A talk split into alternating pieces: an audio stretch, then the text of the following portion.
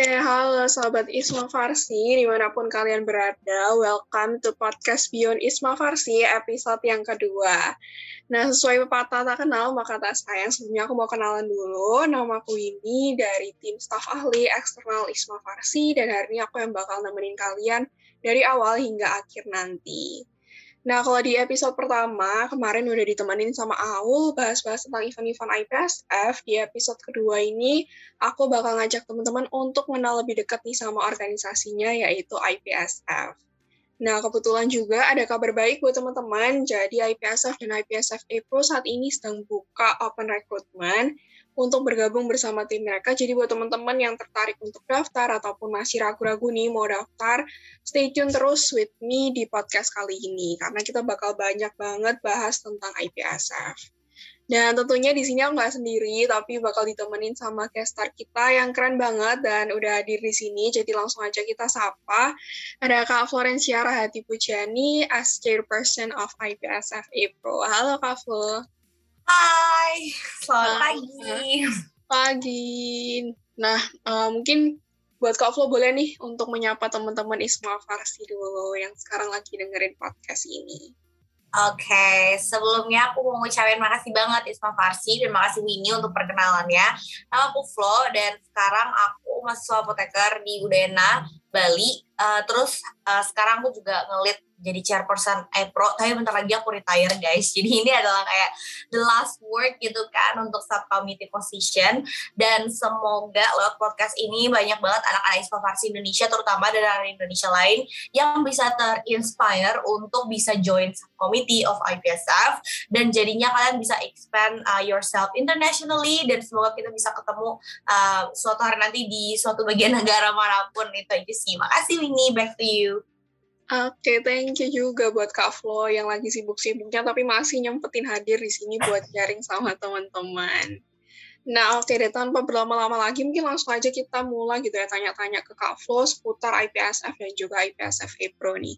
Nah, mungkin bakal aku buka nih pertama-tama dengan pertanyaan yang kayaknya nih teman-teman dari Smart Farsi banyak yang masih bingung gitu, Kak.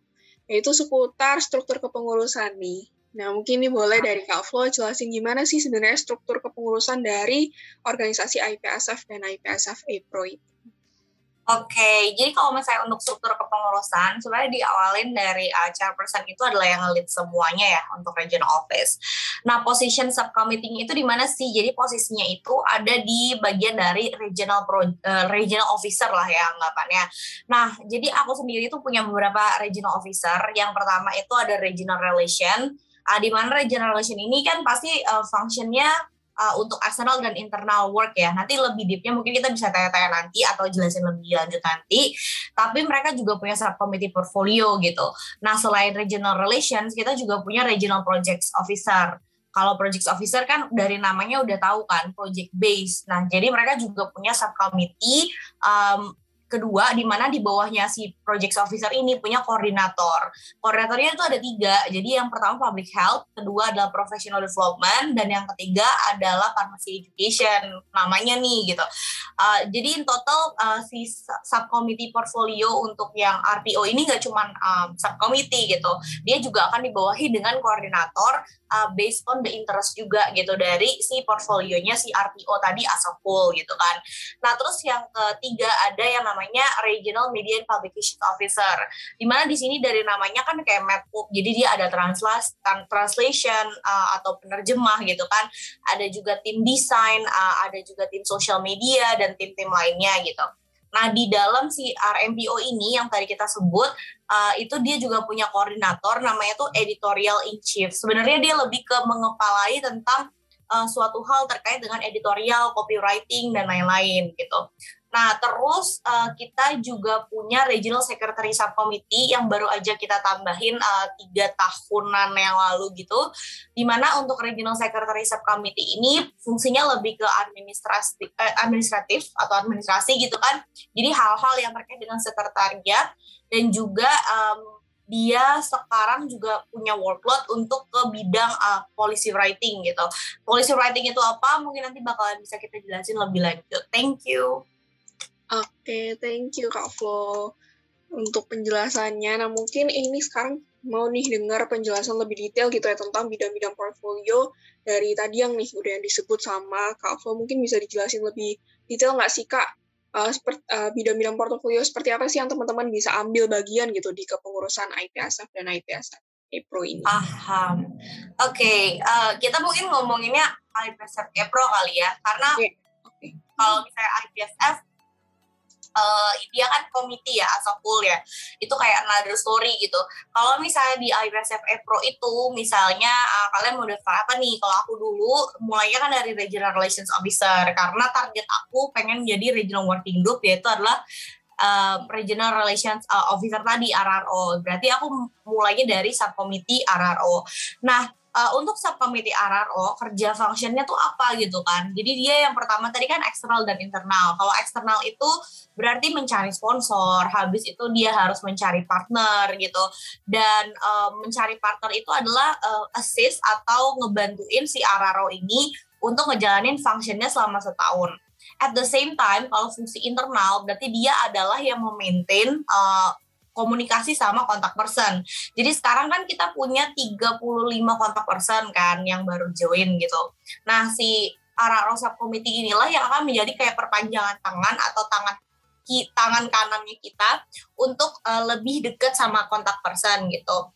Uh, dan make sure kalau kontak person ini tuh bisa mereka itu strict sama deadline karena kan di IPSF tuh banyak banget deadline-nya kan yang harus dikerjain.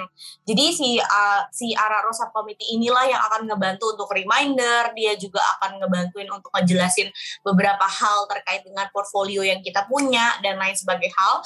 Dan fungsi terakhir pastinya untuk nyari uh, negara baru gitu. Biasanya uh, biasanya kalau RRO kan uh, sebenarnya dia udah punya target nih mau negara apa yang baru yang kita belum punya. Tapi will be good kalau si RRO subcommittee ini bisa punya uh, input dari negara-negara baru uh, yang bisa kita reach out gitu atau kontaknya gitu. Nanti itu bakalan lebih dijelasin lanjut, tapi kita juga punya project nih dari RRO. Ada beberapa project-project yang di running untuk maintain uh, branding kita kalau misalnya kamu ke RPO gitu kan Regional Project Officer Subcommittee kan ada koordinator yang tadi yang kita sebut tripis gitu kan. Dan itu tuh namanya Public Health, Professional Development sama Pharmacy Education. Tentu tiga portfolio ini berbeda gitu. Karena di dalam RPO mereka harus bisa uh, ngerjain yang pertama kalau pharmacy education kan ngomongin tentang uh, gimana caranya kita nge-level up uh, dan ngebuat suatu edukasi terkait farmasi atau hal-hal terkait kurikulum itu lebih menarik gitu packagingnya gitu kan. Terus kalau misalnya kita ngomong professional development itu berarti uh, bagaimana supaya kita bisa meningkatkan professional skill dari anak-anak uh, dengan kompetisi yang berbeda. Misalnya kita punya kompetisi yang semi business competition kayak industrial skills competition gitu kan, atau kita punya uh, beberapa juga di bidang lain misalnya kayak counseling event, uh, sorry kok counseling event compounding event gitu kan atau kita punya patient counseling event gitu dan lain sebagainya hal gitu nah yang ketiga public health ya pastinya public health structure itu untuk uh, teman-teman yang suka banget sama uh, ngebikin suatu campaign gitu, campaign kesehatan. Jadi misalnya nih kemarin uh, HIV AIDS mau bikin campaignnya apa?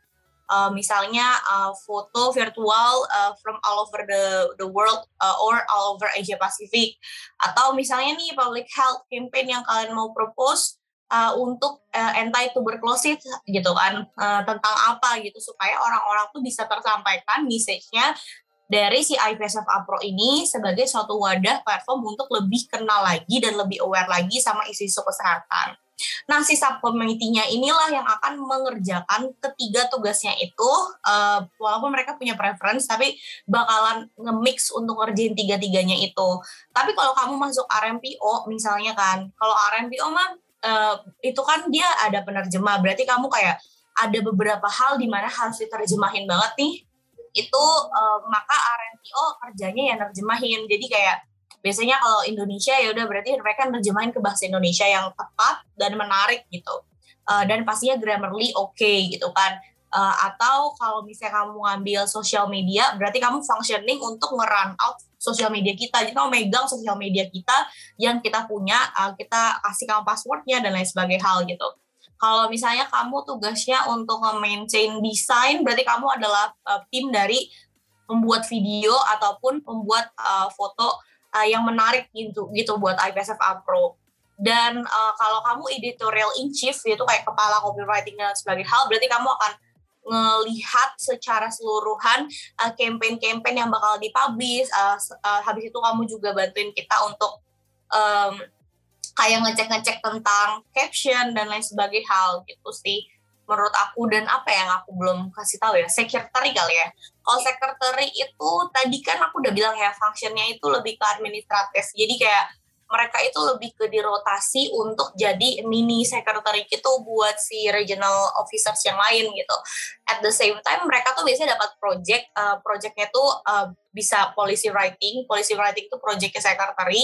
Jadi dia uh, hasil outputnya atau uh, ya hasilnya lah intinya kan itu uh, suatu uh, hal terkait dengan polisi. Polisi itu kayak apa ya kalau di Indonesia kita bilang ya? Misalnya tentang kamu ngangkat isu kesehatan apa nih? gitu kan. Misalnya um, perbedaan edukasi farmasi gitu kan. Terus kamu mau bikin kayak ada semilaunya gitu. Nah itu tuh policy writing. Dan biasanya kita di, di secretary portfolio itu mereka ngebantuin uh, supaya nantinya kalau misalnya nih aku mau ke WHO Siaro nih kan aku bikin policy statement namanya kan Nah nanti mereka lah yang akan mungkin bisa ngebantuin kalau mereka punya waktu gitu untuk membuat atau ngedraft policy statement yang bakal yang bakal aku bacain di World Health Organization gitu sih. Yeah, yeah, I think it's too long, but yeah. Okay. Thank you. Cool, cool. Nah, sekarang kan lagi buka kan ya, Kak, open recruitment-nya. Nah, mungkin Kak aku boleh jelasin nggak siapa aja yang perlu dipersiapin gitu buat daftar sebagai pengurus mungkin dari segi administrasi atau pengalaman atau skill atau mungkin mental gitu. Mm-hmm. Kalau dari aku sih um, yang pertama pastinya administrasi dulu kali ya. Itu adalah kontak person confirmation letter. Jadi that's why kita kan di Indonesia ada enam organisasi yang terdaftar ya. Salah satunya Isma Farsi untuk keseluruhan uh, Universitas Indonesia dan sisanya ada kayak UI sendirian, USD Sanata Dharma sendirian, UGM sendirian, Pajajaran juga sendirian, ITB juga sendirian, bener kan? Uh, jadi kalian uh, reach out ke kontak personnya untuk minta namanya kontak person confirmation letter yang nge-state bahwa kalian itu membershipnya baru uh, expire gitu kan.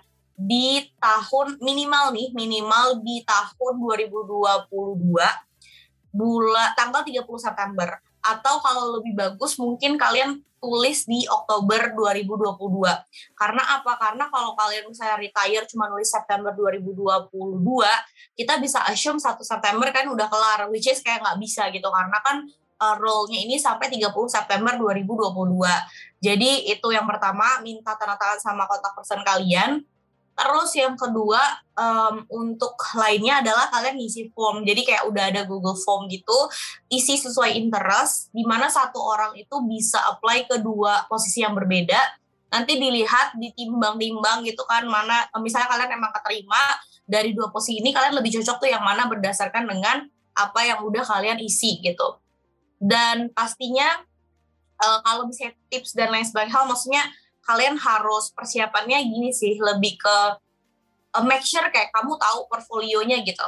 That's why kita punya Apro Forum kan yang committee position di tanggal 4 September gitu. Jadi kayak make sure kamu tahu kamu tuh harus kerjain apa. Misalnya kayak RRO, pertanyaannya kan pasti nggak seputar, nggak jauh dari eksternal dan internal portfolio. Jadi gimana sih cara kamu uh, nge-advance itu gitu, nge-level up suatu kerjaan itu. Kalaupun kamu di media publications officer, skill apa sih yang kamu punya? Uh, misalnya di desain itu lebih fokus ke portfolio. Jadi biasanya anak-anak desain disuruh upload uh, portfolio kalian tuh apa gitu. Baik itu website developer, baik itu uh, untuk desain sosial media yang biasa, ataupun yang video skill. Gitu sih menurut aku. Ini. Nah, terus nih, uh, mungkin ada nggak sih, Kak, uh, tips atau enggak strategi yang apa ya, mendetail gitu ya, mendetail buat teman-teman bisa peluangnya tuh lebih tinggi gitu di keterimanya. Hmm. Kalau misalnya untuk gimana cara peluangnya lebih tinggi, sebenarnya ada beberapa faktor ya kalau di Apro. Pertama kan faktor adalah country base gitu kan. Habis itu yang kedua uh, faktor skills gitu. Yang ketiga uh, juga pastinya dilihat dari jawaban kalian gitu. Uh, jadi kayak kuota itu tuh uh, competing to each other gitu menurut aku ya. um, dan dilihat lagi tuh dengan skills dan juga jawaban gitu. Jadi ya emang uh, untuk untuk kayak prioritinya pastinya yang pertama jawaban kalian, yang kedua adalah skills yang kalian punya, yang ketiga pastinya adalah hasil interview karena sekarang tuh udah RRO sama RPO itu dua-duanya bikin interview buat anak-anak yang baru join mau join mereka gitu. Dan yang keempat baru dilihat dari country base uh, untuk bisa ngelihat kompetitornya nih misalnya Malaysia uh, sama si Indonesia uh, berapa sih gitu kan yang daftar ini gimana nih arrange-nya supaya diversity-nya ada gitu. Karena kan kita harus represent diversity gitu. Jadi kalau kita fokus ke skills development, kita fokus ke administrasi atau pendaftaran gitu, mungkin kalau misalnya kalian it will be good kalian tuh bisa research yang banyak gitu tentang portfolio. Makanya uh, dikasih nih um, apa namanya kontak dari semua regional working group yang bersangkutan. Kayak kalian bisa reach out ke regional working group yang bersangkutan. Misalnya mau daftar RRO ya aku reach outnya ke RRO tanya gitu ke RRO-nya kamu udah uh, ngerjain apa aja nih uh, untuk apa namanya si uh, country misalnya? Ada tambahan apa aja nih negaranya? Gitu kan. Terus habis itu kira-kira kalau misalnya daftar eksternal kamu maunya eksternal yang kayak apa? Pertanyaan yang singkat aja dan ringan karena nggak perlu yang gimana banget tapi at least kayak you know the job gitu dan it will be good for you to know the job kan gitu kan. Terus yang kedua pastinya kalau kamu ngambilnya sesuatu yang lebih skills development gitu kan um, lebih bagus kalau kamu tuh benar-benar put your portfolio. Kadang tuh orang kasih portfolio dan yang aku lihat tuh malah aku nggak bisa akses ke device uh, portfolio mereka itu gitu atau linknya which is kayak very hustling buat aku untuk kayak tanya lagi sama kontak personnya reach out to this person and so on. Jadi lebih baik kalau kalian uh, dropping portfolio link please make sure itu udah di drive itu udah kayak open all access to people gitu kan. Dan jangan malu untuk ngeput uh, punya kalian tuh video dan juga si foto yang kalian punya skillsnya gitu. Karena itu bakalan will be will be very um, apa ya good factor buat kita untuk bisa tahu kalau kalian tuh oke okay di situ. Dan untuk interview session strateginya sih yang pastinya kan ini lebih kenal kalian kan. Jadi kayak be true about yourself dan kayak um, ya kalau misalnya aku sih interview um, make sure you get a, a good eye contact. Habis itu cara ngomongnya jelas gitu. Dan pastinya um, make sure kayak you show your skills gitu kan. Karena menurut aku subcommittee positions ini sama aja kayak kamu daftar kerja menurut aku ya. Ini tuh kayak salah satu uh, praktis untuk daftar kerja tuh kayak apa kalau misalnya kamu masuk ke yang harus butuh interview. Mungkin strateginya lebih kayak gitu dan skills yang dibutuhin biasanya paling leadership. Uh, kita mau lihat time manajemennya karena takutnya kamu sibuk nih, kamu ada internship, kamu ada yang lain gitu kan. Kita mau lihat availability kamu juga gitu dan kita juga mau lihat uh, project manajemen kamu tuh seperti apa. Jadi kalau kamu punya organizational experience yang bisa di highlight, kadang orang Indonesia itu lackingnya di situ. Jadi dia mungkin udah punya banyak experience, tapi dia nggak tahu cara nempatin kotak-kotakin experience-nya dan jadinya ketika di deliver eh, nggak uh, nangkep nih outputnya apa atau impactnya apa dari kerjaan kamu gitu sih.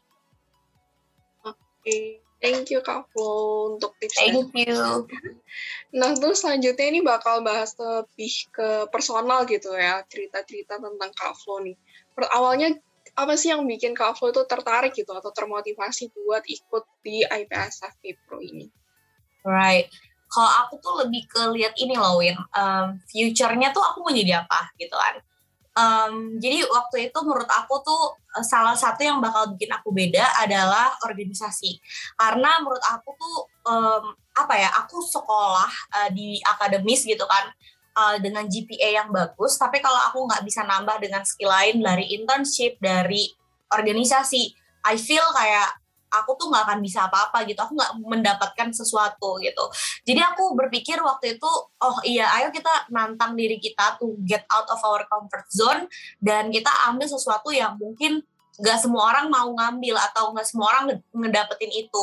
Yang aku pikir suatu hari nanti ini bakalan bisa jadi satu uh, personal branding aku gitu.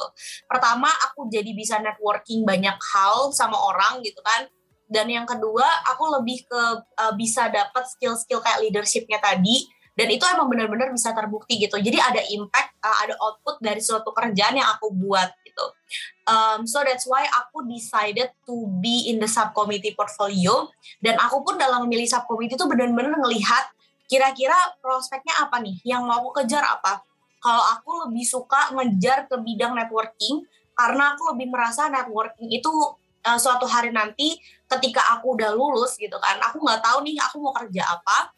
Aku punya networking, aku tahu banyak hal tentang partnership, sehingga nanti ini bisa jadi satu selling produknya versi aku untuk diri aku sendiri uh, ke uh, siapa pun yang akan nge-recruit aku gitu. Kalau aku tuh mungkin pernah bekerja sama dengan organisasi-organisasi ini gitu, pernah kerja sama dengan pharmaceutical company ini gitu kan, pernah nge-arrange uh, meeting dan external uh, proposal sama ini gitu. Dan it it is the reasons why aku merasa I have to take it gitu. Dan aside from all of that, ketika kamu level up your um, passion itu di international gitu kan uh, people will look up to you gitu dan uh, you have a voice gitu.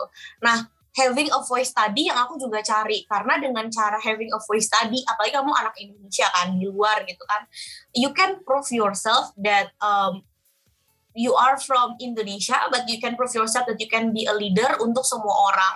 Dan itu yang nge-shape pathway aku untuk jangan cuma berhenti di subcommittee tapi ayo lo coba di regional working group ayo lo coba lagi sampai ke chairperson dan supaya nanti suatu hari nanti banyak anak-anak lain yang dari Indonesia yang akan ter-encourage dan mungkin akan berada di posisi itu karena it's one of privileges ketika kamu bisa nge-voice out apa yang kamu rasa perspektifnya bagus um, to level up pharmaceutical knowledge dan juga praktis ya di antara students maupun recent graduate menurut aku gitu sih Oke, okay, cool banget sih. Love lo keren banget. Nah, terus ya, dong. Uh, terus gimana sih mungkin boleh diceritain pengalaman dan perjalanan Kak Flo mulai dari tadi ya mulai dari subcommittee sampai akhirnya sekarang bisa jadi chairperson tuh gimana sih perjalanannya? Ya, jadi kalau aku tuh perjalanannya, jadi aku um, anggap umur kamu berapa ya, Win, sekarang? Um, tahun ini semester 20. berapa? Semester 20, semester berapa? 5 lima ya? Oke okay. aku tuh baru mulai di semester bentar ya aku ngitung dulu nih. Jadi aku emang ikut leaders in training. Dulu tuh APPS masih fisikal belum ada pandemik ya Bon. Jadi kayak yaudah aku 2017 aku berangkat Thailand gitu kan. Aku daftar Sapom aku ditolak nih Araro Sapom waktu itu. Terus 2018 aku ikut leaders in training gitu kan um, dari Isma Farsi ke, kepilih kebetulan puji Tuhan gitu kan. Um, sama aku ikut APPS Jepang. Setelah itu eh, nggak uh, tahu gimana ceritanya pathway aku tuh lebih gampang untuk daftar subcommittee gitu. Mungkin semua yang leaders in training juga ngerasakan karena udah lebih kenal lah gitu. Jadi uh, aku masuk di 2018 akhir menuju 2019 ke 2020 mandat gitu kan. Dan aku milih uh, regional relations officer subcommittee. Dengan alasan pada saat itu aku pengennya hari nanti jadi regional relations officer dan balik lagi aku pengen hari nanti aku bisa kenal orang banyak yang gak cuma anak-anak uh, student gitu nggak cuma murid gitu. Pengennya kenal sama organisasi yang lain dan pengennya kenal sama uh, perusahaan farmasi yang lain gitu. Dan itu tuh salah satu pathway fast track menurut aku yang bisa bikin uh, eh, CV aku tuh bagus. Itu aja sebenarnya pikiran aku. Akhirnya aku bikin RRO subcommittee aku apply aku dapet dan aku benar-benar kerjain dengan uh, baik ya karena aku pengen jadi regional working group kan. Dan di 2020 2019 ke 2020 gitu kan uh, satu tahun aku menjabat di Subcom 2020 ke 2021 tuh aku ya? Eh bentar bingung deh. Nggak oh 18 19 dulu deh. 18 sampai 19 itu Satkom 19 sampai 20 di Bandung. Aku election untuk jadi regional working group regional relations officer. 2020 2021 aku jadi chairperson ya. Sekarang bentar lagi aku jadi immediate past chairperson sama advisory board dari IPSF Global. Jadi perjalanan aku tuh dari nol kok. Jadi sama kayak kalian jadi pernah gagal ditolak sama IPSF mentah gitu kan. Dan aku tahu ketika aku compare emang ya gue waktu itu ngasihnya shitty banget ya. Jadi kayak aku nggak ngerti itu portfolionya apa gitu. Sampai akhirnya aku diterima sampai akhirnya aku lanjut lanjut lanjut terus. Dan sampai akhirnya aku uh, jadi chairperson kayak sekarang uh, sambil apoteker juga dan habis ini aku kelar deh. Gitu. Oke keren banget sih. Nah terus selama pengalaman perjalanan yang panjang gitu ya kak apa sih challenge dan juga benefit yang didapat gitu atau dirasain selama menjabat jadi pengurus di APSF Pro ini? Iya, uh, pengalaman. Aku chairperson kali ya, yang paling banyak menurut aku pengalamannya. Uh, apa ya? Kadang tuh uh, aku merasa bahwa I have a privilege aja gitu. Karena kayak um, gak semua orang mungkin dapat privilege itu, tapi aku punya privilege untuk um, menjadi orang yang bisa representing. Yang pertama representing your country. Jadi kayak at least aku representing Indonesia dan aku bisa voice out uh, sebagai seorang chairperson walaupun Asia Pasifik tapi semua orang tahu bahwa aku dari Indonesia. Dan ketika ada partner siapa pun nanya kamu dari mana? pasti aku jawab dari Indonesia. Jadi pengalaman pertama adalah the feeling of representing your country ketika kamu menjadi seorang mahasiswa di bidang internasional. Atau ketika aku kan sekarang anggapannya kayak recent graduate ya di bidang uh, internasional gitu. Dan yang kedua pastinya bisa voice out apa yang aku pengen lakukan gitu. Aku bisa um, create uh, impactnya sendiri gitu misalnya aku ngelihat ada masalah ini kayak waktu itu kan professional developmentnya aku ngerasa Asia Pasifik karena pandemik jadi banyak yang bingung nih atau banyak yang nggak ngerti kalau farmasi itu bisa ke mana aja nggak cuman uh, harus jadi apoteker di rumah sakit atau apoteker di uh, klinik atau di hmm, apa ya apotek-apotek gitu kan. Nah aku mau nge-highlight itu dan itu belum ada gitu dan aku merasa ada impactnya gitu kan. Karena orang-orang tuh harus tahu soal siapa Pasifik kamu tuh bisa kerja apa aja. Akhirnya aku arrange lah kayak misalnya project-project uh, dan aku invite-invite uh, speaker yang keren-keren gitu kan gabung sama beberapa partner supaya kiranya anak-anak ini termotivasi. Oh kalau misalnya gue farmasi gue bisa ya kerja di market marketing gitu. Oh gue farmasi gue bisa ya kerja di business development. Oh gue juga anak farmasi gue bisa loh uh, jadi research analyst gitu.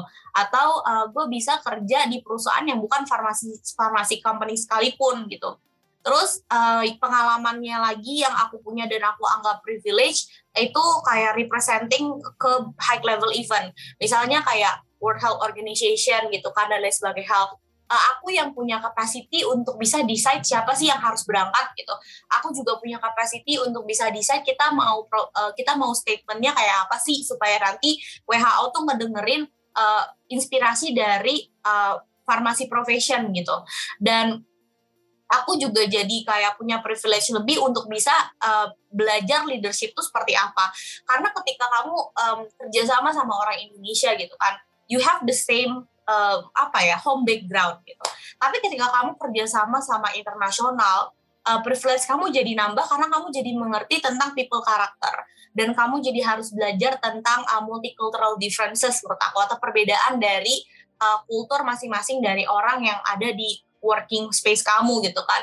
Bahkan kamu belajar untuk gimana sih cara nge-treat orang uh, differently gitu. Dan gimana cara ngelit uh, yang baik dan benar tanpa membuat orang tuh nggak nyaman kerja sama kamu. Apalagi kalau kalian pandemik dan nggak ketemu sama sekali dan aku juga belajar banyak tentang project management tuh seperti apa. Jadi kalau aku mau execute satu project, mau itu kompetisi, mau itu gimana, timelinenya seperti apa, isinya harus apa, impactnya apa, end goalnya apa, itu bisa jadi sesuatu yang diperhitungkan.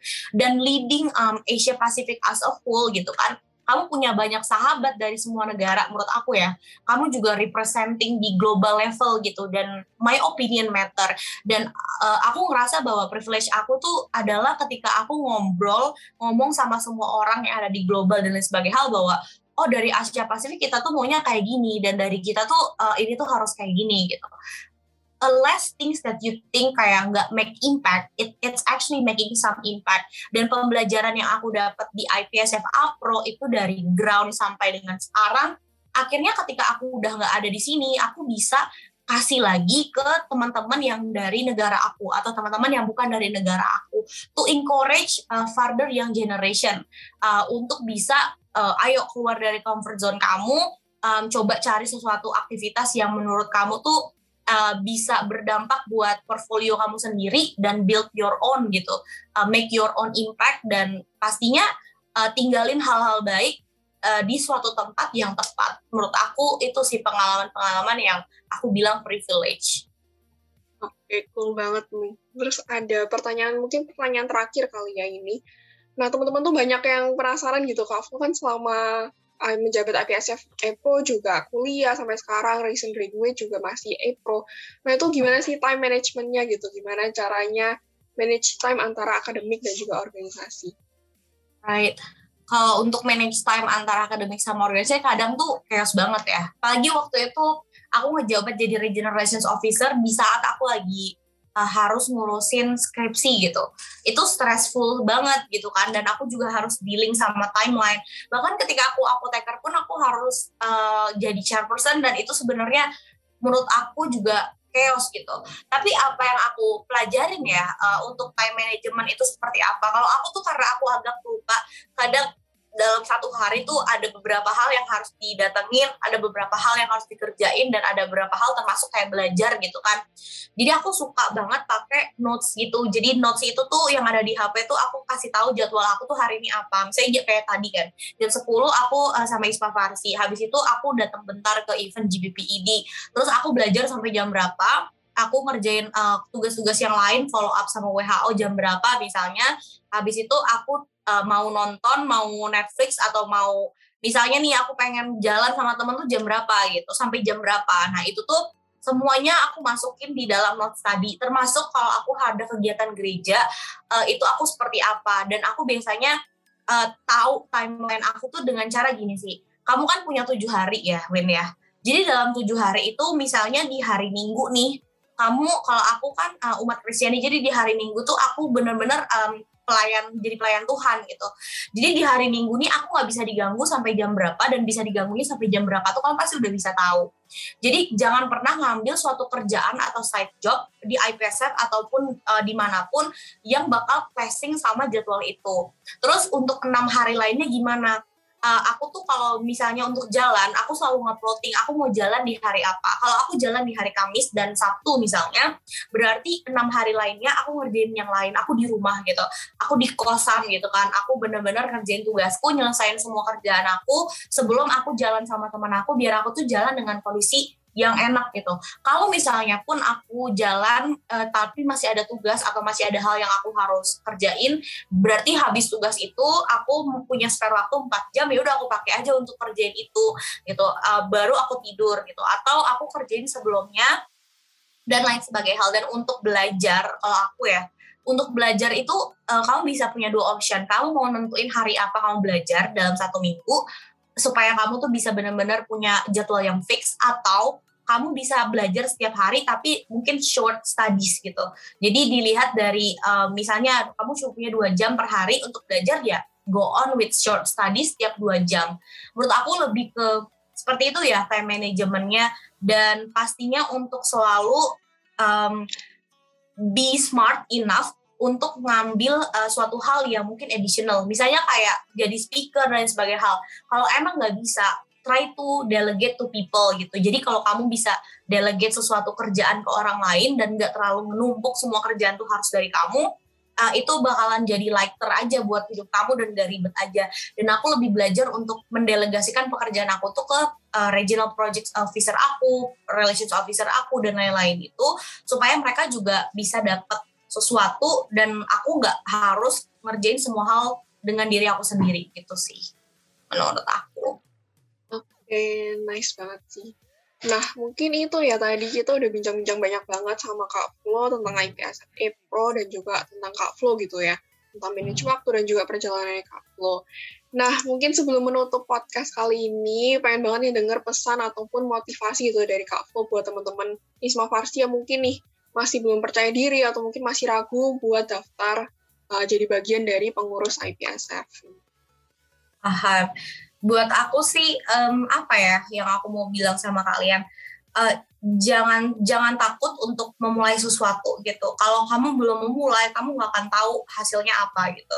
Tapi dengan cara kamu memulai, entah itu hasilnya adalah terbaik maupun terburuk gitu kan kalau kamu udah mulai aja gitu at least kamu bakal dapat pengalaman dan menurut aku instead of being successful kita juga harus melihat pengalaman gitu. Dan pengalaman itu terdiri dari rejection atau failure dan juga sukses gitu.